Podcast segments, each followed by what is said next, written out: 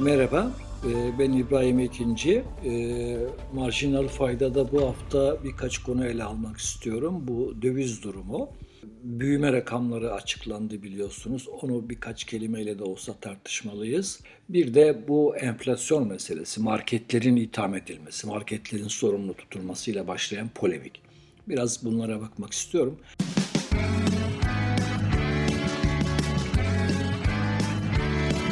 Kulağınız bizde olsun. Kısa Dalga Podcast.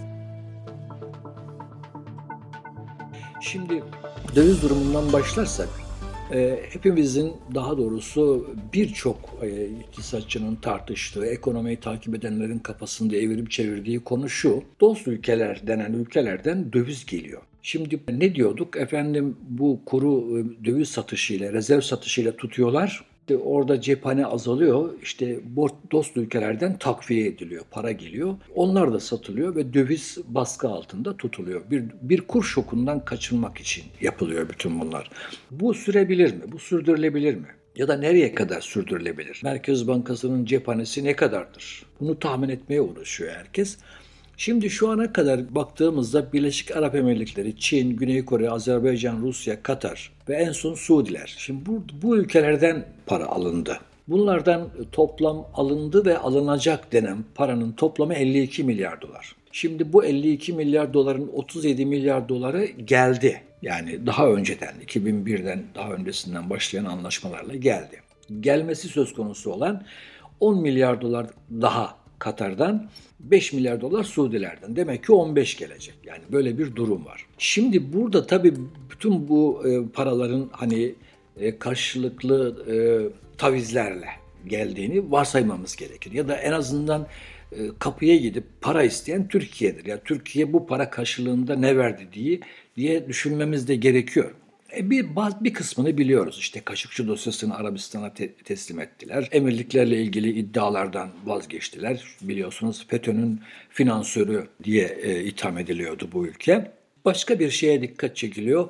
Bu körfez ülkelerinden sağlanan para işte bu Türkiye ve Katar'ın Müslüman kardeşlere, Selefi gruplara desteğini çekme sözüne e, binaen veriliyor da. Öyle bir tahmin de var. Bilemiyoruz. Bu anlaşmaları kapalı. Türkiye artık e, şeffaf hesap veren bir ülke değil. Yani bu bu rakamları bile neredeyse zor buluyoruz sağdan soldan. E, mesela Katar'dan para geleceğini dış basından öğreniyoruz. Yani böyle durumlar var. Şimdi 128 milyar dolardan sonra hükümetin sattığı yani yaktığı döviz 100 milyar dolar civarında tahmin ediliyor. Bu 10 ayda yakılan paradır. Dolayısıyla aylık 10 milyar dolar gibi bir rezerv yakması söz konusu hükümetin. Dolayısıyla önümüzdeki 5-6 ay için hükümete gerekli olan cephanenin de 60 milyar dolar civarında olduğunu tahmin edebiliriz. Yani bu kadar yani bu tabii böyle devam ederse koşullar anlamında söylüyorum. Şimdi 15 gelecek yurt dışından. Yani kaldı işte 45, 40-45 milyar dolarlık bir kaynak ihtiyacı var. Bu gelir mi? E, bunu bulurlar mı? Bunu çevirirler mi?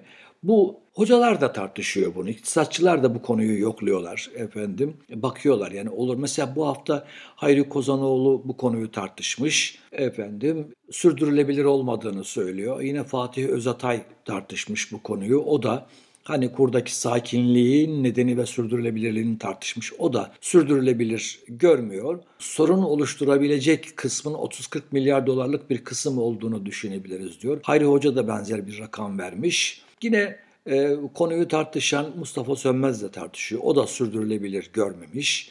Arda Tunca iktisatçı o da makalesinde bu konuyu ele almış. Sürdürülebilirliği yoktur ancak seçime kadar hükümetin seçmene karşı vitrini iyi gösterebileceği bir zemin sunduğunu söylüyor.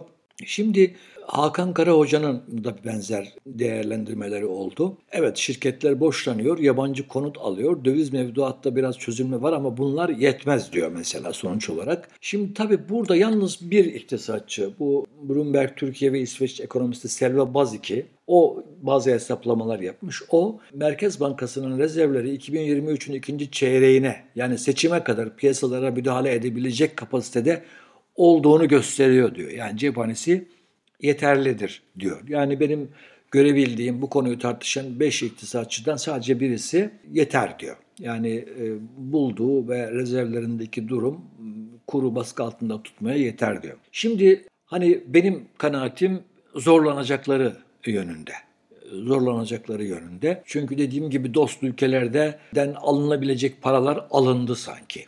Buna ilaveten ne olabilir? BOTAŞ, BOTAŞ biliyorsunuz e, ödemelerinin Rusya'ya ödemelerinin ertelenmesini, e, ötelenmesini istiyor. Öyle bir talep var.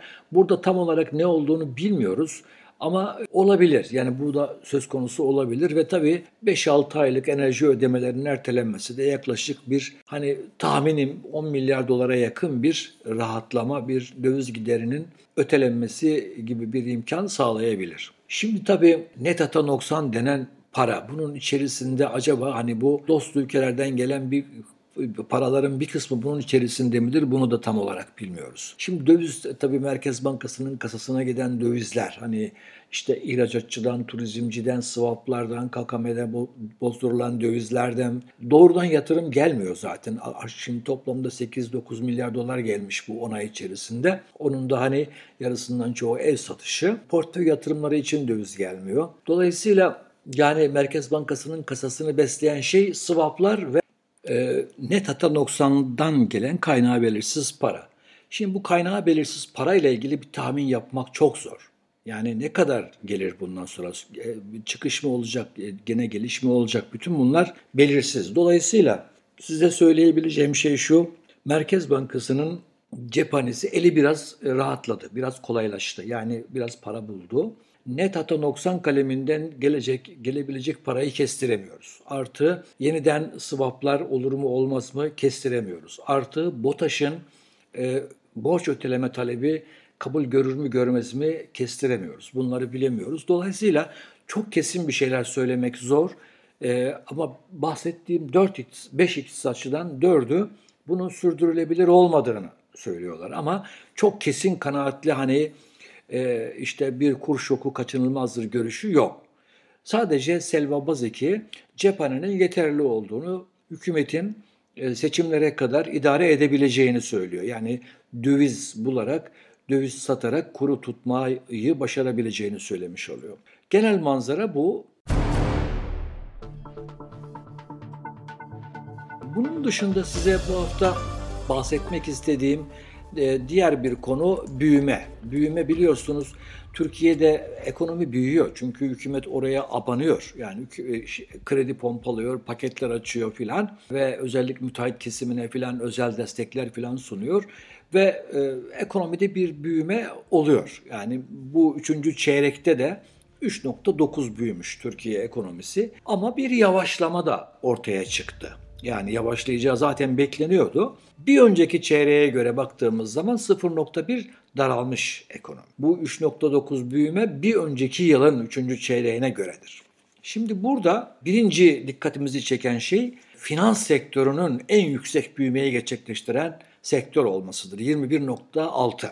Dolayısıyla hani hükümetin faiz lobisinin o lafta hani kamuoyuna dönünce hücum eden açıklamaların bir geçerliliği yok. Gerçekte hükümetin kurguladığı ekonomik sistem bankacılık kesimini, finans kesimini büyütüyor. Bu bir önceki çeyrekte de böyleydi. Yani birincisi bunu kaydedelim. İkincisi inşaat sektöründe son e, çeyreklerdeki düşüş devam ediyor. O kredi desteklerine rağmen %14.1 düşüş olmuş inşaat sektöründe. Tarım neredeyse hiç büyümemiş, sanayi büyümemiş, finans kesimi büyümüş. Yani böyle bir tablo var karşımızda. Şimdi bu büyümenin e, hakkında söylemek istediğim diğer bir diğer bir konu e, yıllık olarak e, 3. çeyrek itibariyle Türkiye'nin milli hasılası 842 milyar dolara geldi.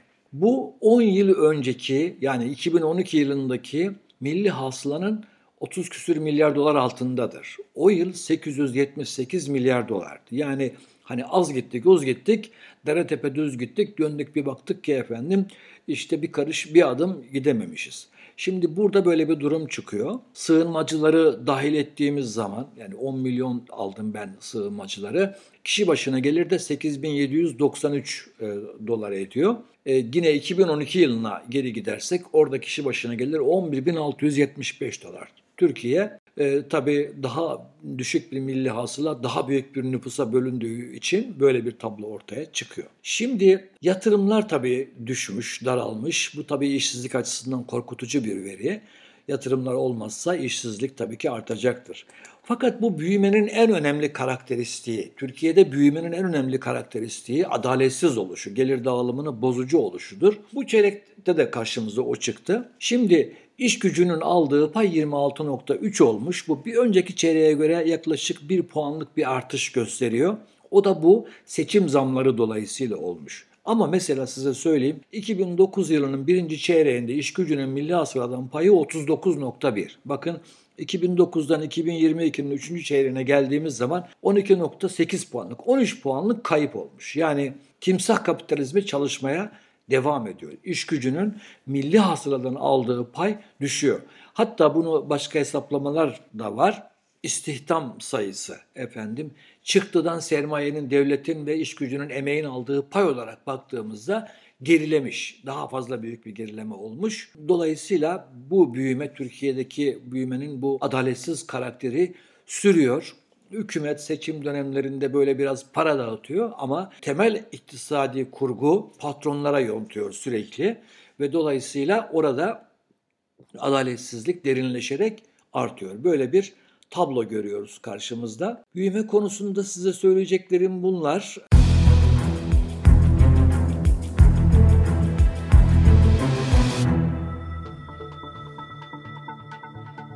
Şimdi bu enflasyon meselesine gelelim. Hani bu marketlerin e, sorumlu tutulması meselesine gelelim. Şimdi bakın bu dedim ya bu AKP tarzı bir siyasettir. Her zaman başarısızlığına bir sorumlu bulur. O kendisi sorumlu değildir. Kendisi başarısız değildir. Kendisi hep başarılıdır. Gıpta edilecek ölçüde başarılıdır. Bütün dünya ülkeleri sıraya girmişlerdir. Siz bunu nasıl başardınız diye sormaktadırlar. Ama rakamlar ve gerçek tablo öyle değildir. Şimdi bakın mesela enflasyon tablosunda bakın dünyadaki hani enflasyonu ortalama enflasyon 9'larda. Gelişmiş ekonomilerde 7'lerde. G7 ülkelerinde 6.85 bunlar. Ortalama olarak Avrupa Birliği'nde 8.84. Gelişen ve yükselen enflasyon Türkiye de bunun içerisinde. Orada 10.57. Bakın şimdi Türkiye bu buradaki rakamı yükselten de Türkiye'nin rakamı 10.57'ye getiren. Türkiye'de 85.5. Şimdi bakın bu dünya başka bir tabloda, Türkiye başka bir tabloda. Bu marketlerin eseri olamaz. Böyle bir durum yok. Şimdi bir başka konu şunu düşünelim. Şimdi büyümeye odaklanıyorsanız, kredi pompalıyorsanız o zaman 19 lira kurdan ithalat yapacaksınız demektir. 19 lira kurdan ithalat yaptığınız zaman bu 19 lira kur sizin maliyetlerinize girecek demektir. Bakın mesela dış ticaret rakamlarına ithalat artışı %30'larda gidiyor. İhracattaki artış 2-3, ithalat 30'larda gidiyor. E şimdi demek ki ithalat yapıyorsunuz. Yüksek kurdan yüksek maliyetli ithalat yapıyorsunuz ve bu üretime maliyet olarak, girdi olarak giriyor. Tamam mı? Dolayısıyla bir kere maliyet enflasyonu çalışmaya devam ediyor. Şimdi mesela ne diyorsunuz? Tüfe enflasyonu 85,5 diyorsunuz. Üfe enflasyonu %150 diyorsunuz. Peki o zaman demek ki şirketler, üreticiler yüksek talep, talebin yüksekliği, talebin canlılığı devam ettiği sürece bunu fırsat bilip bu maliyet enflasyonunu yansıtacaklardır. Tüfe ile üfe arasında 70 puan fark var. Dolayısıyla siz diyorsunuz ki zaten bize şirketler maliyetlerini, maliyet artışlarını fiyatlarına yansıtamıyorlar. E o zaman yansıtmaya başlayacaklar, yansıtıyorlar, devam ediyorlar. Demek ki manşet enflasyon baz etkisiyle düşse bile sadece hani bu üfenin yüksekliğinden dolayı şirketlerin maliyet artışlarını fiyatlara, perakende fiyatlarına yansıtmadıklarını söylemenizden dolayı eğer bu gerçek ise o zaman fiyatların artışı devam edecek. Yani burada hani marketleri sorumlu tutmanın bir esprisi yok. Bugün mesela gazete pencere manşetine koymuş. Çok akıllıca bir manşet yapmış. Hükümetin marketleri de var. Tarım kredi marketleri. Fiyatlarını karşılaştırmış diğer özel sektör marketleriyle. Aşağı yukarı aynı. Hatta bazılarında özel sektör marketlerin fiyatları daha düşük. Bazılarında tarım kredi ama bunlar devasa farklar da değil. 3 kuruş 5 kuruşluk farklar. Yani hükümetin kendi marketleri aynı fiyatlarla mal satıyor ama dönüp marketleri suçluyor. Dolayısıyla buradaki absürtlüğü görmemiz gerekiyor. Bunlar yanlış işlerdir. Ee, bu haftalık bizden bu kadar. Önümüzdeki hafta tekrar görüşürüz ee, ve konularımızı ele almaya devam ederiz.